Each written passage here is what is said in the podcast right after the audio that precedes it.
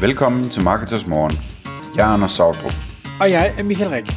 Det her er et kort podcast på cirka 10 minutter, hvor vi tager udgangspunkt i aktuelle tråde fra forumet på marketers.dk.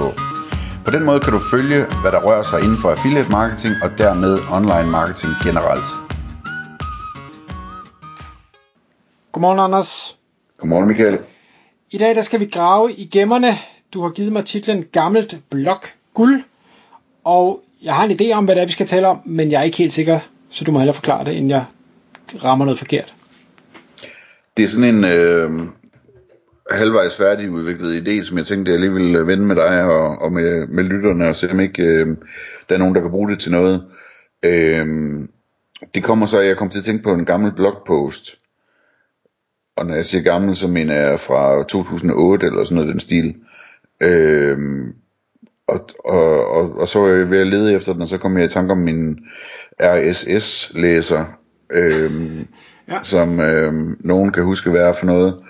Øhm, og så loggede jeg ind på den, øhm, eller den version af den, som stadigvæk eksisterer, det var en, der hedder Feedly, øh, F-E-E-D-L-Y. Øhm, og derinde, der, der kunne jeg se, at øh, der havde jeg en liste over da jeg brugte min RSS-læser, over alle de blogs, jeg fulgte. Øh, så det var sådan en tool til at, at følge blogs og få at vide, når der blev udgivet nye artikler. Ikke? Øh, og der er en lang liste over danske øh, online marketing blog, affiliate blogs, SEO blogs, øh, alt muligt, ikke? og andre lange lister over udenlandske ditoer osv.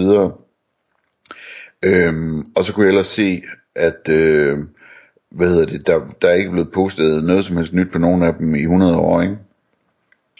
Øhm, og det, det hænger jo sammen med, at bloggen havde sådan en guldalder på et eller andet tidspunkt, derfra 2006-7 stykker og, og frem til, jeg ved ikke hvornår det stoppede, øh, hvor folk holdt op med at, at skrive øh, så mange blogindlæg og kommentere så meget på dem. Der var også en gang, hvor der var kæmpe fede debatter i kommentarsporene på blogs, Øh, altså det må jo være i hvert fald efter 2012, hvor var det ikke Facebook, der sådan rigtig kom i gang der, eller sådan noget. Ja, men, men, men uanset hvad, altså det, det er ligesom, det har flyttet sig fra, at man diskuterer artikler på artiklen, øh, og så til at nu sker det over på sociale medier forskellige steder, ikke? Øh, så der er sådan en blog guldalder, hvor alle de dygtigste inden for forskellige felter, jamen de havde en blog, og de skrev der, og de skrev skide gode artikler, og, og der var masser af læsere, og de fik masser af links, og, og så videre, og tit så var det sådan nogle blogs, som enten hed deres firmanavn, eller deres personlige efternavn, eller et eller andet den stil, ikke? Øhm, eller så hed de Ant Philosophy, øhm, i nogle særlige tilfælde, som din hed.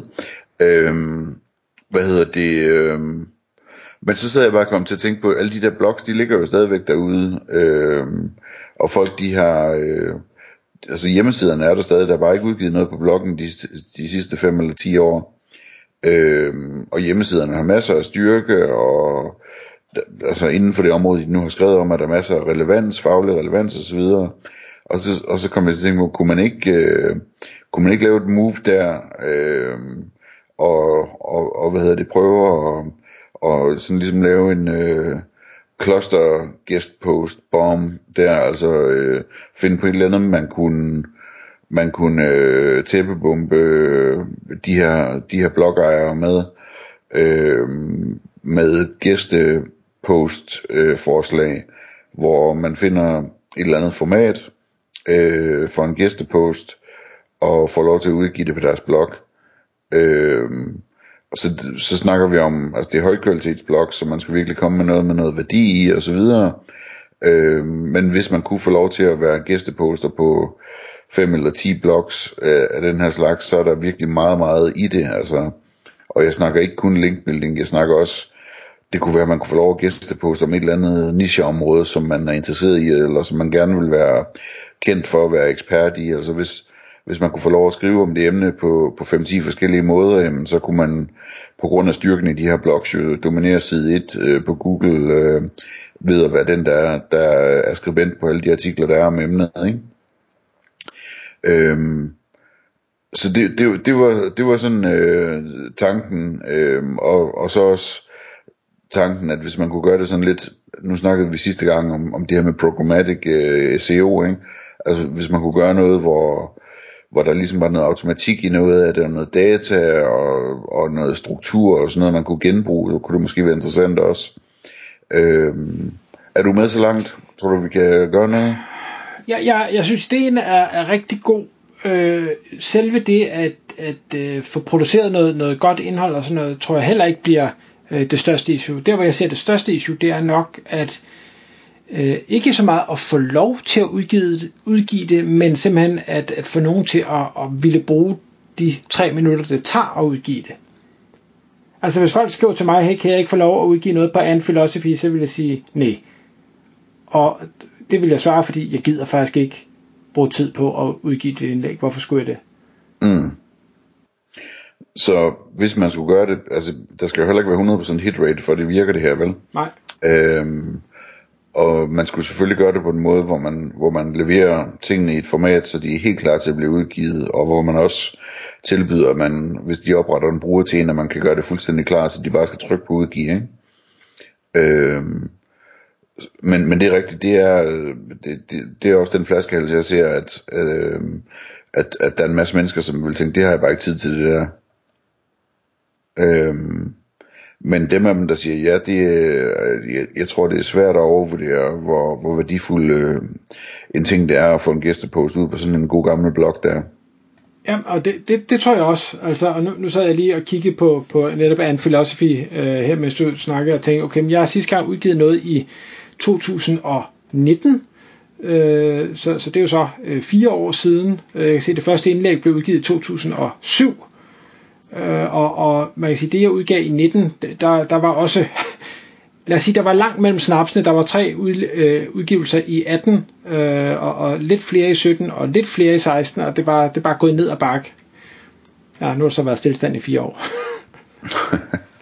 Men, men når det så er sagt, så, så hvis man nu tænker, i stedet for at udgive hos nogle andre, som jeg synes er en god idé, så kunne man jo også godt overveje, og jeg kunne overveje med en Philosophy at sige, jamen, hvad, hvad har jeg egentlig liggende, som virker eller har virket, og var det måske ikke tid at sige, nu er det 10 år gammelt, det kunne være, at man skulle tage og opdatere det, og nu har vi alle mulige værktøjer til rådighed i forhold til, til både øh, tekstgenerering og billedgenerering og videogenerering og alt muligt.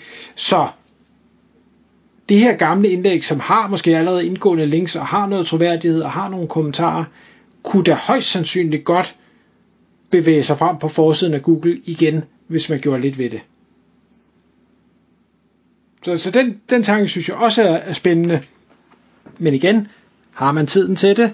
Hvorfor skulle man gøre det? Altså, man skal jo ikke jeg plejer ellers at sige, at det er en god grund at gøre ting, bare fordi man kan. Men omvendt så skal vi også respektere vores tid, og hvor er den øh, brugt fornuftigt, og det er ikke sikkert, det der, den er, er brugt fornuftigt. Jeg kan lige runde af med, øh, med sådan en hurtig idé, som, altså, det er ikke en idé, hvor man kommer til at ranke på alt muligt spændende, øh, hvis man nu skulle, skulle prøve at bygge, bygge sådan en dominans på side 1 op men en idé til noget indhold, som kan laves relativt øh, automatisk med noget AI og så videre, og nogle databaser, øh, mest med AI, jamen det kunne være, at man kunne lave sådan en øh, øh, bloggens historie post eller et eller andet, ikke? Hvor man, hvor man øh, får, får skrevet, at den her blog øh, var en af de store, og får lavet en oversigt over, hvilke emner der er, og hvilke ord, der er blevet brugt mest, og hvilke artikler, der, der var mest populære, og øh, hvor mange stemmer de fik på, på A-nyhed eller et eller andet, ikke? Og, og hvor mange øh, kommentarer der var i gennemsnit, og, og hvilke, hvilke kommentatorer, der var mest aktive på bloggen, og øh, hvilke hjemmesider de har, og altså sådan nogle ting, der ikke som vil være sjovere at se. Enig. Spørgsmålet er, om ja, du kan godt få et indledende push, men, men, men det så er nok også det. Et indledende push med... Ja, altså, hvis man laver sådan noget, så kan man sige, ja, det, det er meget fint, og, og så kan du, så kan du få, få lidt traction på det, og så, men, men hvad skal du bruge det til derfra? Ja, men altså det, det ville så være for at få øh, 10 rigtig gode links for eksempel, ikke? Til en, et site, som er dødt? til hvilket som helst site, du drømmer om at få links til. Ja, det selvfølgelig ikke. Det kunne man godt. Ja, okay. Øhm, og så kan man sige, når man så har lavet noget, der virker i Danmark, så kan man bagefter gøre det 300 gange så stort på engelsk, ikke? True, true. Jeg køber den. Det er godt. Tak fordi du lyttede med. Vi vil elske at få et ærligt review på iTunes, og hvis du skriver dig op til vores nyhedsbrev på marketers.dk-morgen, får du besked om nye udsendelser i din indbakke.